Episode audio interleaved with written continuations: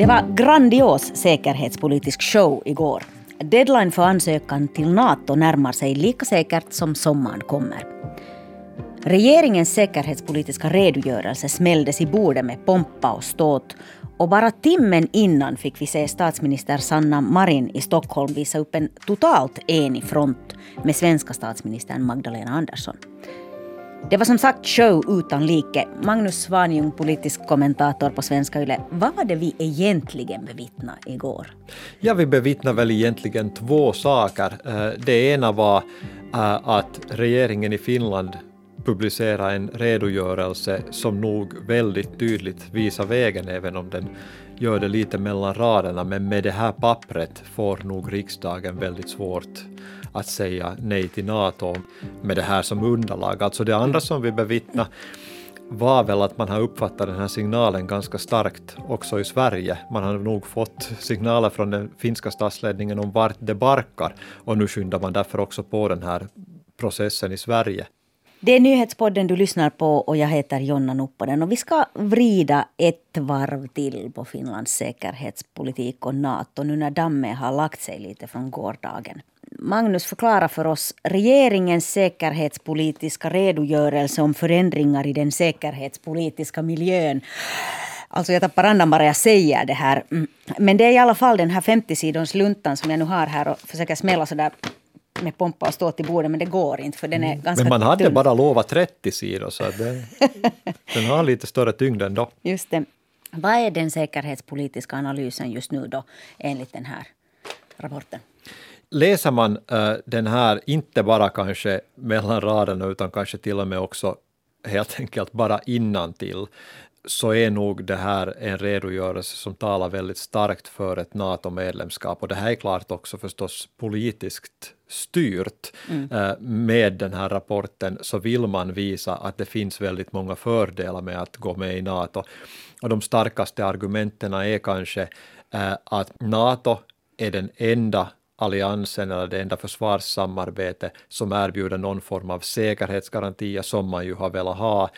Och det andra är att det är NATO uttryckligen som ger den avskräckande effekt som på sätt och vis kanske är det viktigaste, det vill säga går man med i NATO eller rustar man sitt eget försvar, vad man än gör i den här situationen, så måste ju målsättning vara att vi aldrig någonsin ska ha krig vid vår gräns.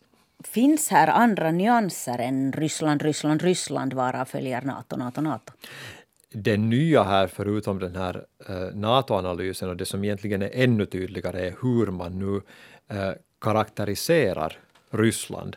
Det vill säga man skriver nu rakt ut att Ryssland utgör ett hot mot hela Europas mm. säkerhet. Och det här är liksom helt andra ord som man använder än man har gjort tidigare i motsvarande redogörelse, den senaste väl från 2020. Då har man talat om sånt här som att Rysslands verksamhet försvagar och rubbar säkerheten och, och så vidare. Och man har betonat de här vänskapliga äh, relationerna. Uh, så så det, det, är den ena behållningen, liksom bilden av, av Ryssland. Det andra är att man går igenom också andra möjliga försvarssamarbeten än NATO, det vill säga bilaterala eller tri, svåra ord, men, ja. men liksom samarbeten direkt med ett annat land eller med tre andra eller flera andra länder, med Sverige, ja. eh, med Storbritannien, med USA. Och hur man än analyserar de här eh, så kommer man till slutsatsen att de här innebär inte samma eh, svar på de här grundläggande frågorna som NATO gör. Och, och här är man också ganska tydlig. Mm. Vad är din analys av de senaste veckornas på något sätt upptrappning eh, mot den här säkerhetspolitiska redogörelsen. Hur har den här diskussionen förts?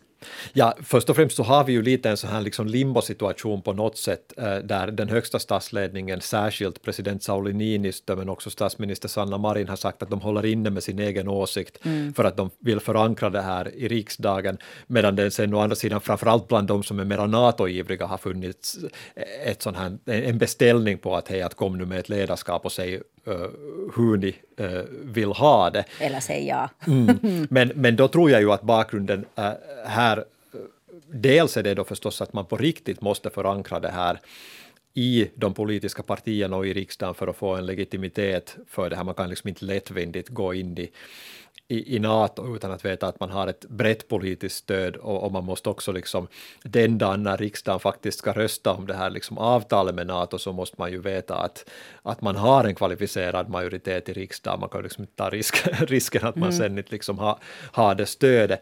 Men det andra är att man också har behövt den här tiden för den diplomati som man nu liksom frenetiskt har fört ute i världen, det vill säga man måste också nu för, försäkra sig om att lämnar man in en äh, ansökan så godkänner faktiskt alla medlemsländer i NATO den här ansökan, att ingen sån här bråkstake som Turkiet eller någon annan ställer till med något fanstyg. Och, och sen att det här ska gå så snabbt som möjligt.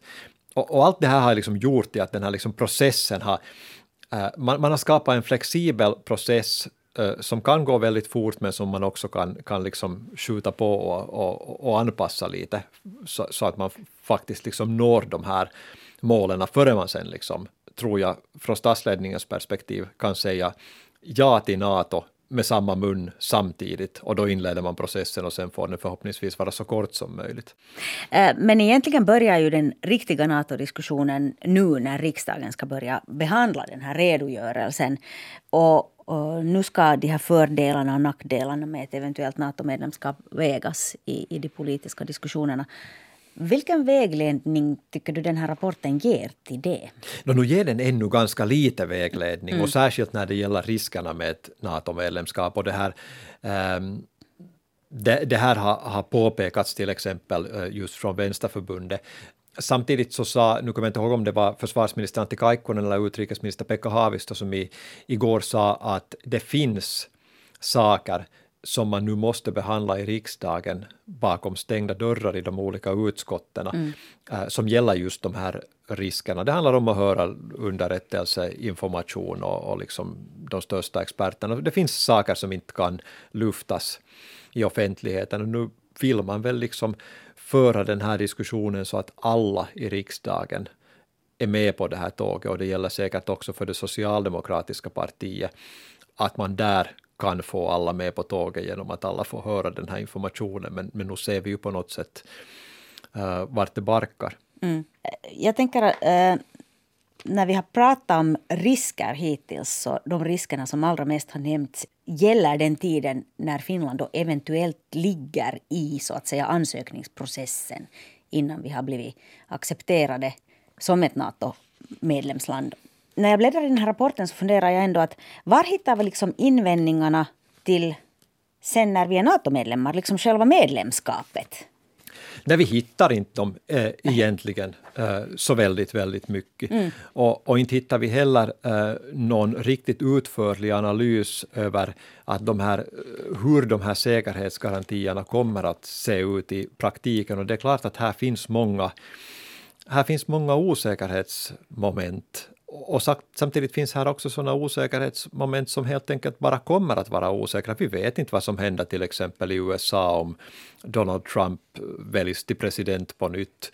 Kommer då um, alla Natos säkerhetsgarantier att gälla också till exempel vid hot om att använda kärnvapen och så vidare. Mm. Uh, det, det, finns förstås många osäkerhetsmoment här och, och många risker. Vi har stirrat väldigt stint här i Finland på den här artikel 5 i NATO-stadgan. Den som handlar om, om de här säkerhetsgarantierna från andra NATO-länder om ett NATO-land blir attackerat. Men NATO är ju inte bara artikel 5. Eh, eller någon slags säkerhetsallians för sina egna medlemmar. Den är ju också en politisk organisation och den är en global militär aktör som kan gå in i ett tredje land. Vi har till exempel sett den här NATO-ledda operationen, långvariga NATO-ledda operationen i Afghanistan eh, som ju ingalunda är ett NATO-land. Eh, ett hurdant NATO-medlemskap, eller har det förts någon diskussion om ett hurdant NATO-medlemskap Finland vill ha? En hurdan NATO-medlem vill vi vara? Jag tycker att det har förts ganska lite eh, diskussioner mm. om det ännu och det kanske är eh, en diskussion som ska föras. Eh, lite har man väl hört en sån här diskussion att ska vi vara som Norge som har förhandlat till sig egentligen att ha så lite trupper och vapen och framförallt inga kärnvapen på sitt territorium, eller ska vi vara som äh, de baltiska länderna som tvärtom säger att jo, så, så, så många amerikanska soldater som möjligt och så mycket vapen äh, som möjligt. Och där svarade försvarsminister Antti Kaikkonen igår som så att han inte tycker att det finns skäl för något slags NATO light eh, som han sa, mm. utan att man vill eh, gå in med alla möjligheter i varje fall, eventuellt med undantag för kärnvapen. Sen när det gäller vilken roll Finland ska ha i NATO, så vi har ju redan med vårt samarbete haft eh, en aktiv roll i NATO-ledda operationer. Men det är mm. klart att som medlem av NATO så har man å ena sidan då liksom en möjlighet att påverka besluten. Å andra sidan så vet vi att det i praktiken eh, ganska långt är USA som leder NATO. Det är klart att man också kan utsättas för politiska påtryckningar att, att delta i olika operationer, också sådana operationer som innebär större risker. Vad är din bedömning av den offentliga diskussionen hittills kring den här frågan? Finns det utrymme för bara en sanning just nu i Finland? Ja, åtminstone så får en sanning väldigt, väldigt mycket utrymme just nu. Det kunde man kanske beskylla debattklimatet, man kunde kanske beskylla medierna för det, men jag tror att det är så att det beror på att det ganska långt finns en åsikt just nu. Det vill säga, vi vet vem som är för Nato, de är förstås högljudda. Mm. Men det finns väldigt få som är klart negativa till Nato i den här situationen just nu. Det ser vi till exempel när vi frågar riksdagspolitiker i de olika partierna. Ett parti som Socialdemokraterna som hela tiden har varit negativt inställda till ett NATO-medlemskap. Uh, där är man ganska tyst just nu därför att man antagligen begrundar de här frågorna. När det gäller uh, försvarspolitiska experter, forskare, så börjar det vara ganska svårt att hitta någon som väldigt högljutt är emot ett NATO-medlemskap. Men visst finns det ju de som är beredda att diskutera risker Äh, och för och nackdelar. Och nu tycker jag att man har hört dem också i medierna. Sen, sen är väl debattklimatet på sociala medier, tycker jag, äh, väldigt hårt just nu och det liksom verkar som att den som uttalar sig ens lite kritiskt om NATO plötsligt är en fosterlandsförrädare. Nej, det där är ju liksom en ganska bisarr vändning eftersom uh, det inte har funnits ett starkt folkligt stöd för NATO tidigare, trots att nog många säkert har betraktat sig som fosterlandsvänner trots det. Den breda analysen nu är ju då den att Finland och Sverige kommer att ansöka om NATO-medlemskap sådär lagom till NATOs toppmöte som är i sommar. Eva Stenberg som är politisk kommentator på Dagens Nyheter i Sverige. Eh, hon trodde i gårdagens nyhetspodd att Sverige går med i NATO. Det här sker i maj tillsammans med Finland.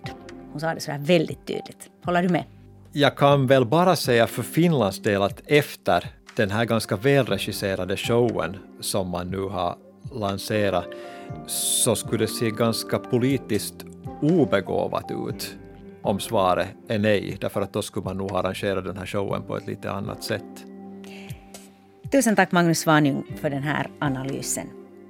Jag heter Jonna Nupponen och du har lyssnat på nyhetspodden från svenska YLE som produceras av Ami Lassila. Tekniken sköttes idag av Jonny Aspelin. Fortsätt lyssna på oss.